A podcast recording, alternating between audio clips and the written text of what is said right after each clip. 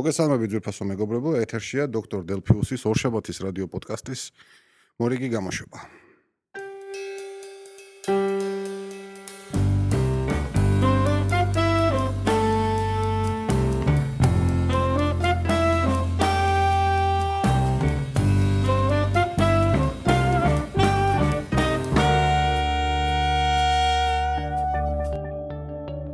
მაშასე დღეს აა კლავაც ორშაბათია. აა თუ არ ვწდები 23 სექტემბერი, აა 9-ს უკლია 3 წუთი მე ვიწყებ ჩემი პოდკასტის ჩაწერას ოდნავ განსხვავებულ სიტუაციაში და ვითარებაში. აა მოვედი ოფისში და არ დამხვდა შუქი, დენი, ელექტროენერგია, ასე ვთქვათ. შესაბამისად ის ჩემი ძვირფასი მიქსერი, რომელიც შაბათს ავამუშავე, დავტესტე და არაჩვეულებრივად კმაყოფილი დავრჩი.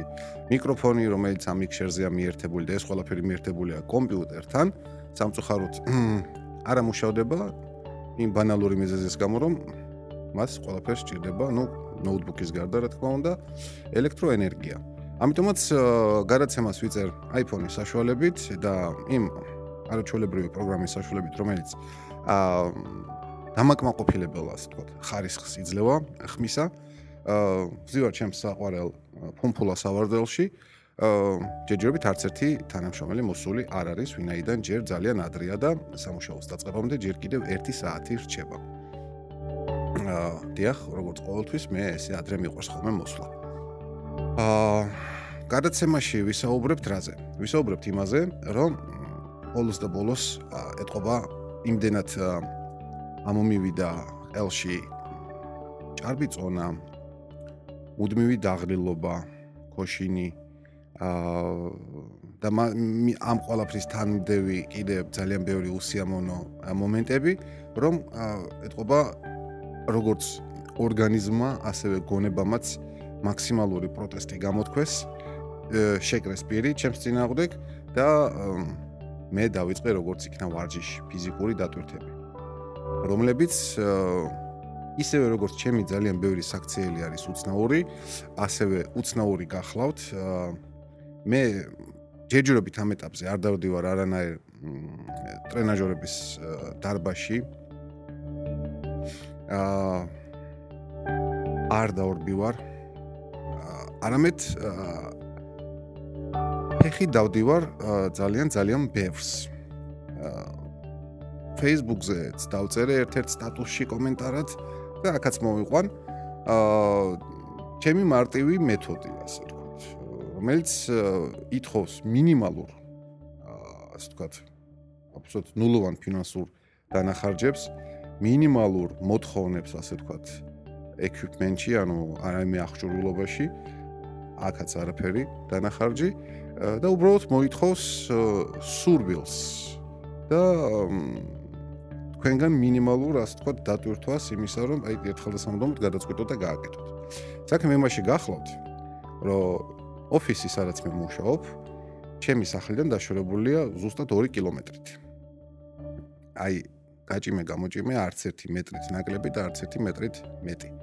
აა შესაბამისად დილად დილის დილით მოვდივარ სამსახურში ფეხით. შვიდად წყნარად ჩემს გარდა მარტო მეეზოები არიან ხოლმე ქუჩაში. აა ამიტომაც მოძრაობაც ნაკლებია, საერთოდ არ მიშლის არანაირად ხელს. თან არც დადიანის ქუჩას არ მოყვები, იმიტომ რომ მაინც ეს მანქანის გამონაბოლქი არც თუ ისე სასიამოვნო შესასუნთქია ზოგადად. აა ამიტომაც მიყვები დადიანის პარალელურს ჭყონდიდელს. აა ადრე 5 ხუთწლედის ქუჩა რო ერქვა 5 დეკემბერი. იქით არის ორტაჭალაში. აა და დაახლოებით აი ამ მანძილის გასავლელად მე მჭირდება 20-22 წუთი.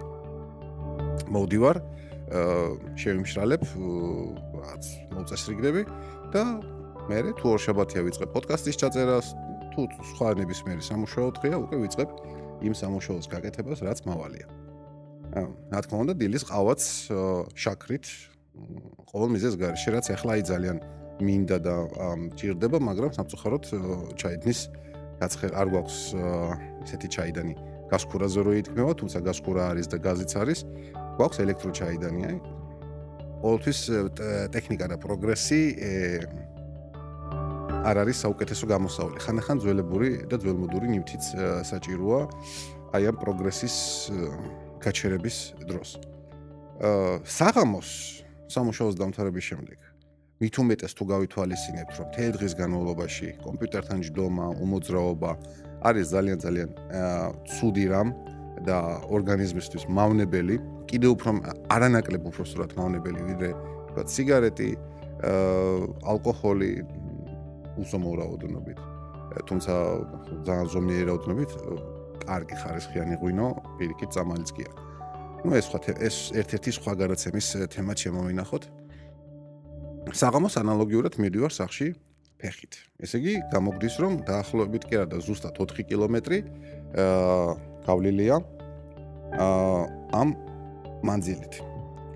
მაგრამ ეს არ არის ყველაფერი. შუა დღისას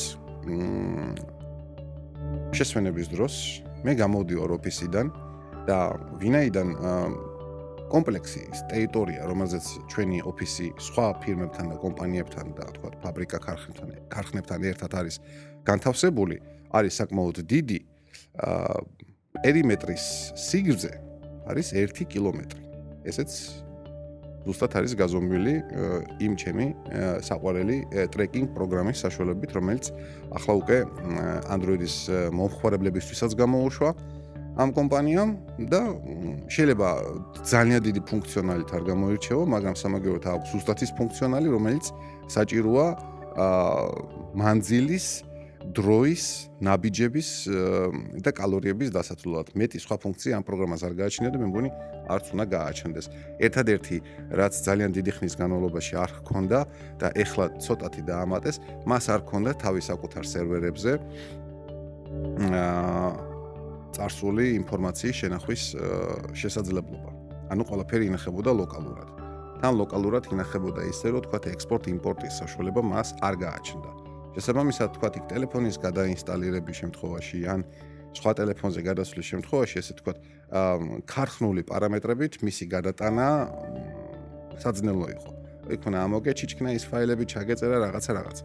ეხლა ბოლო განახლება აა ბოლო განახლება ბოლო განახლებაში დაემატა ის ფუნქცია, რომ ბოლო 16 დღის ინფორმაციას ინახავს, რაც ნუ სულ არაფერს რა თქმა უნდა ჯობია.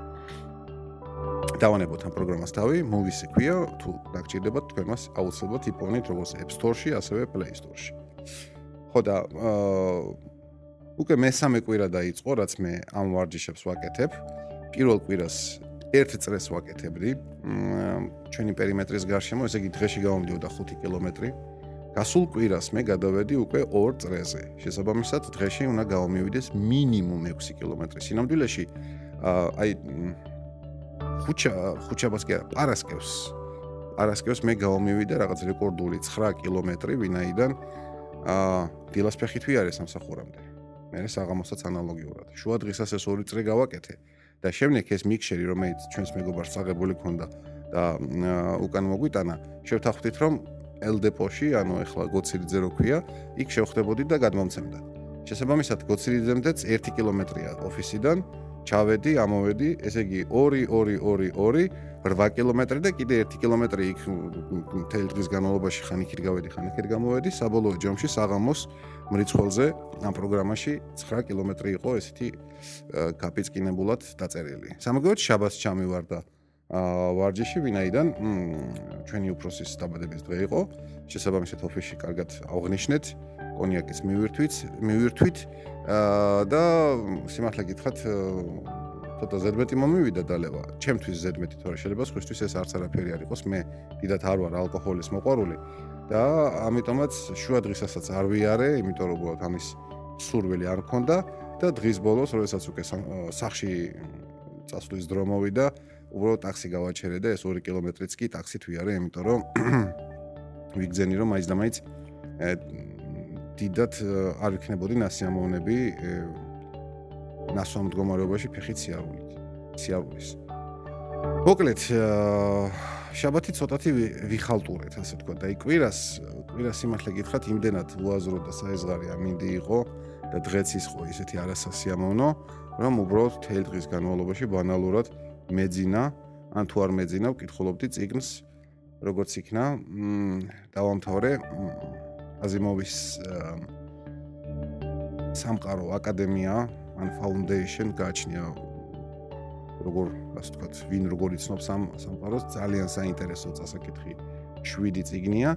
აა მე ეს დიდი ხანი ადრე წაკითხული მქონდა, წელს ხელახლა გადავიკითხე და დიდი სიამოვნება მივიღე და პლუს როგორც იქნა, აა ასევე წავიკითხე სამი დამატებითი წიგნი ამ სამყაროდან, დამატებითი და ბოლო ასე ვთქვათ.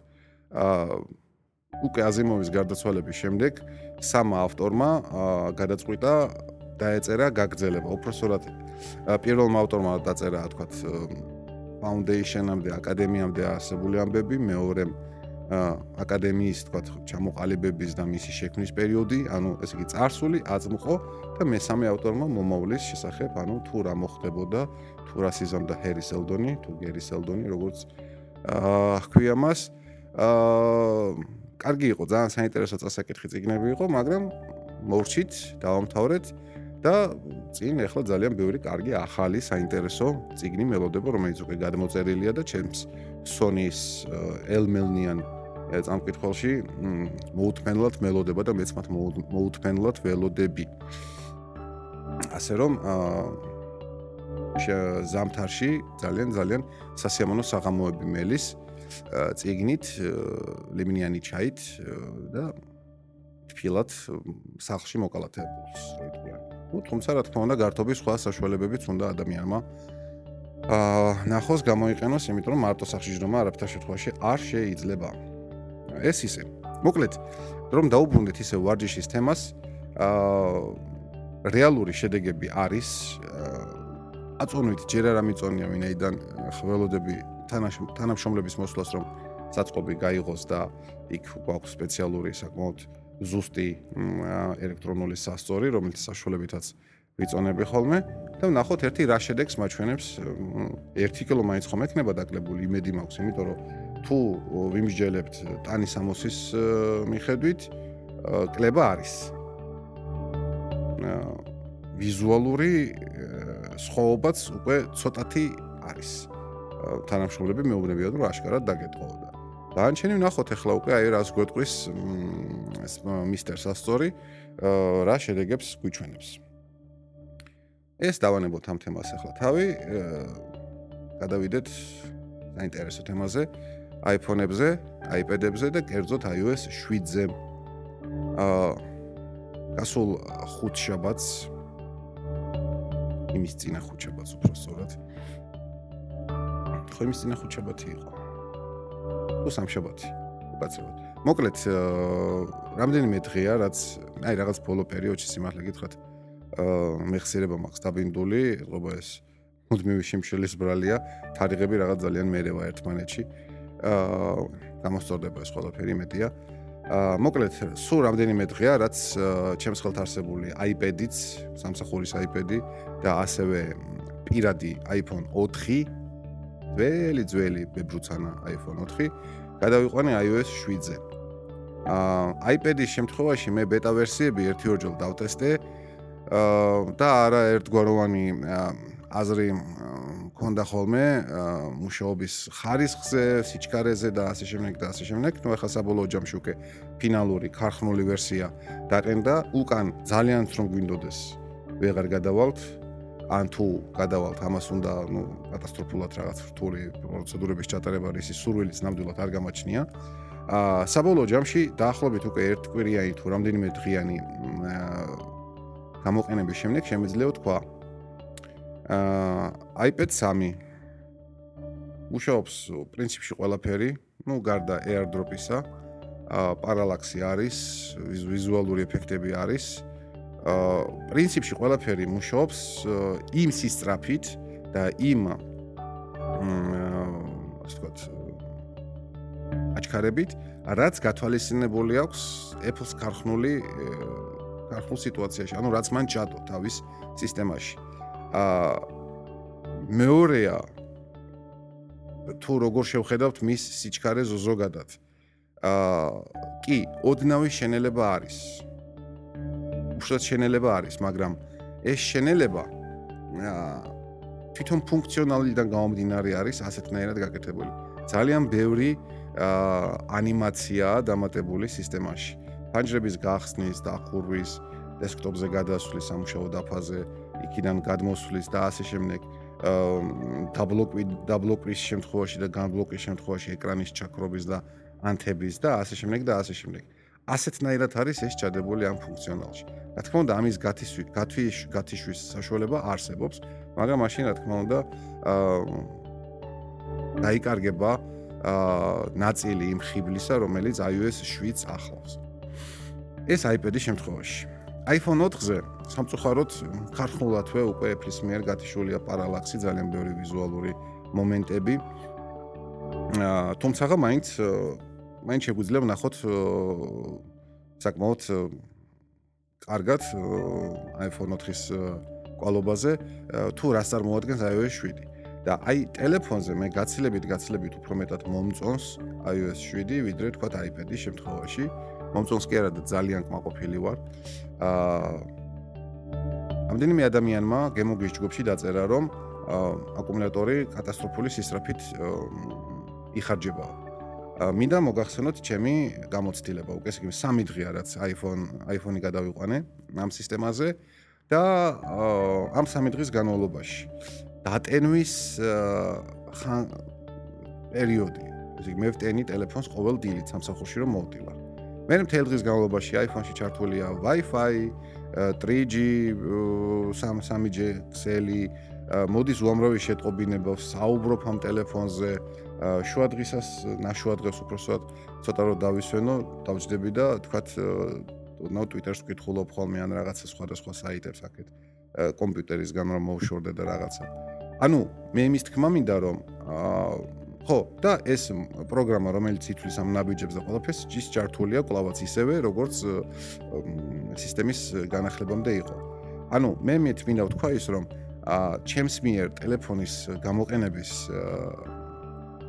ხანგრძლივობა ასე ვთქვათ და ეხა სამოსაჭრელი იქნება, რა თქმა უნდა, მე შეიძლება შეიძლება სულაც არ ამოჭრა. მოკეთ მე ტელეფონს ვიყენებ ისევე, როგორც ამას ვიყენებდი განახლებამდე.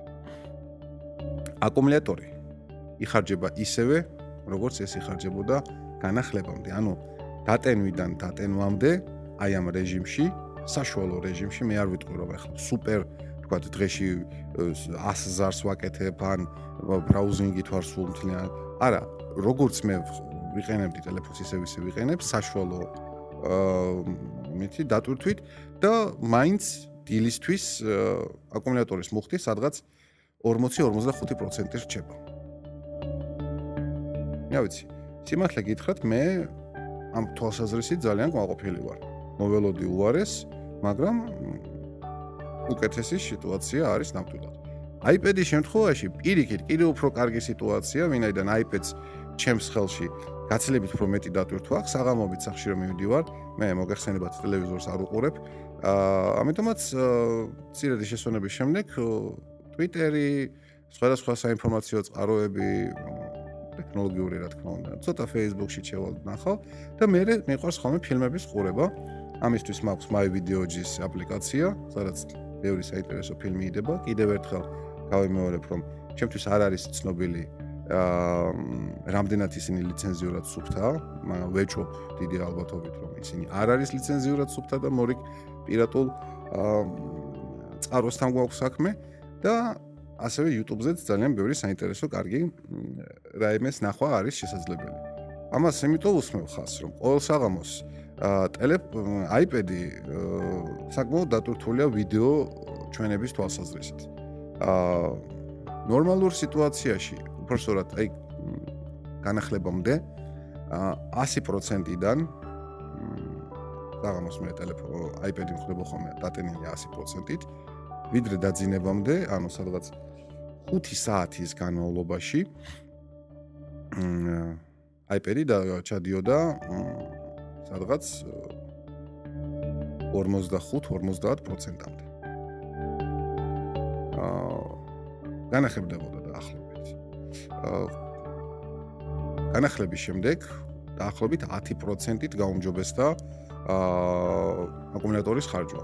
ანუ ეხლა სადღაც 60% რჩება ხოლმე აა დაძინების წინ და ნუ მე ვრთავ დავტენი მთელი ღამის განმავლობაში ის იტენება, დილას ხდება ისევ ნორმალურ მდგომარეობაში. ანუ აქაც ამ შემთხვევაში სიტუაცია გაცილებით უფრო უკეთესად არის, ვიდრე განახლებამდე და უბრალოდ ჯერ შეიძლება თვალი ვერ მიეჩვია და თანაც არა უკვე არასასიამოვნოა რა სიტუაცია, რომ აპლიკაციები, სისტემური აპლიკაციები უკვე ყველა გადაყვანილი ამ ახალ დიზაინზე, რომელიც მე მომწონს, სიმართლე გითხრათ, აა ნუ პატარ-პატარა შენიშვნები მექნებოდა, მაგრამ იმედია რომ დროთა განმავლობაში ისინი გამოსწორდება. აა საკმაოდ ბევრი უცხო აპლიკაციებიც გადავიდა ახალ დიზაინზე, მაგრამ რა თქმა უნდა, ნაწილი დარჩა. ნაწილი დარჩა და შესაბამისად უკვე ის რომ ისინი აღარ შეესაბამებიან ახალ დიზაინს, აღარ ჯდებიან ერთიან სიტუაციაში და ვიზუალში ეს უკვე ცოტათი გამაღიზიანებელი ხდება. ის კი არა, აი თვითონ Apple-ის მიერ გამოშვებული მაგალითად iBooks-ი. iBooks-ი ჯერ კიდევ სკოემორფიზმი არის გაქანებული, ძალიან ძლიერი. აა კერძოდ კლავისების ვირტუალური ციგნების თაროა. სიმართლე გითხრათ, ლამაზია და მომწონს, მაგრამ უკვე ახალი აა თქო ვიზუალური პარადიგმიდან ის მთლიანად ამოვარდნილი, ამიტომაც ალბათ დროა Apple-მა გამოუშვას ახალი iBooks-ი, რომელიც ალბათ გამოვა Maverick-თან ერთად და იქ თქვა ერთმანეთთან სინქრონიზაციის საკითხებიც ალბათ უფრო მეშმა. ანუ სერიოზულ განახლებას უნდა ველოდოთ ოქტომბრის ბოლოსთვის. აა კიდე რომელი აპლიკაცია არის, რომელიც ესე მეტი მეტი ჯერჯერობით ისე არ მახსენდება.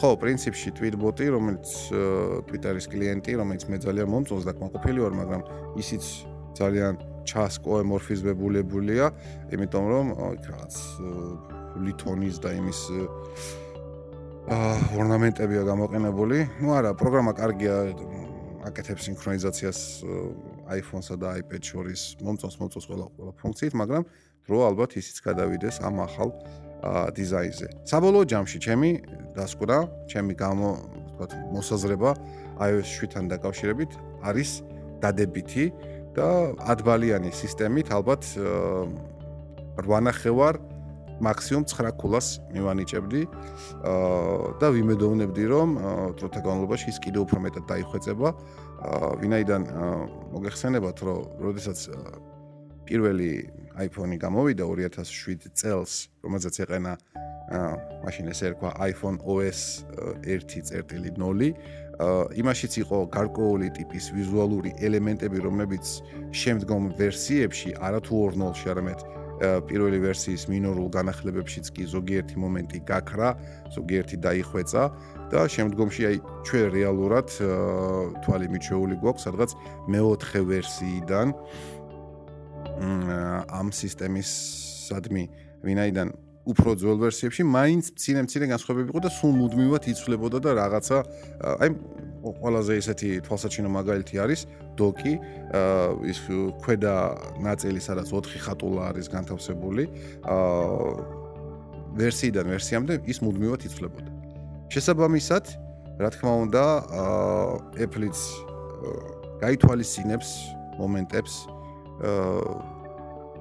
გამოასწორებს იმ ხარვეზებს, რომელსაც ჩვენც ხედავთ, იმედია ისინი ხედავენ თუ არა და ალბათ რა თქმა უნდა მათთან ფიდბექი გამოხმაურება მივა ამის შესახებ დეველოპერების მხრიდან და ასე შემდეგ და ასე შემდეგ.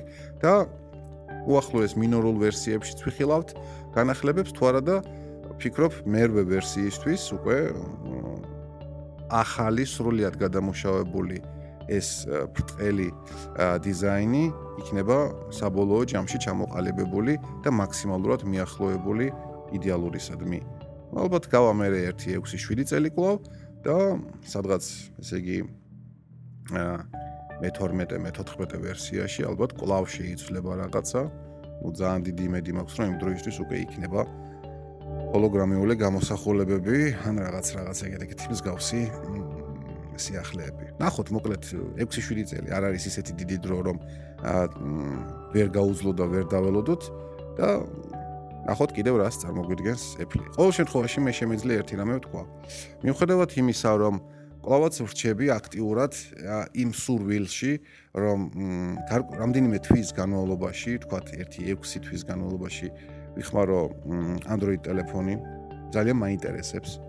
მაგრამ კიდევ უფრო მეტად მაინტერესებს და ველოდები ახლა 17 ოქტომბერს, ვინაიდან 17 ოქტომბერს უნდა კანონიკალმა გამოუშვას საბოლოოდ თავისი Ubuntu Touch-ის ფინალური ვერსია, რომელიც შეიძლება დაყენდეს Nexus Nexus მოდელებზე, გნებავთ ტელეფონზე, გნებავთ ტაბლეტებზე.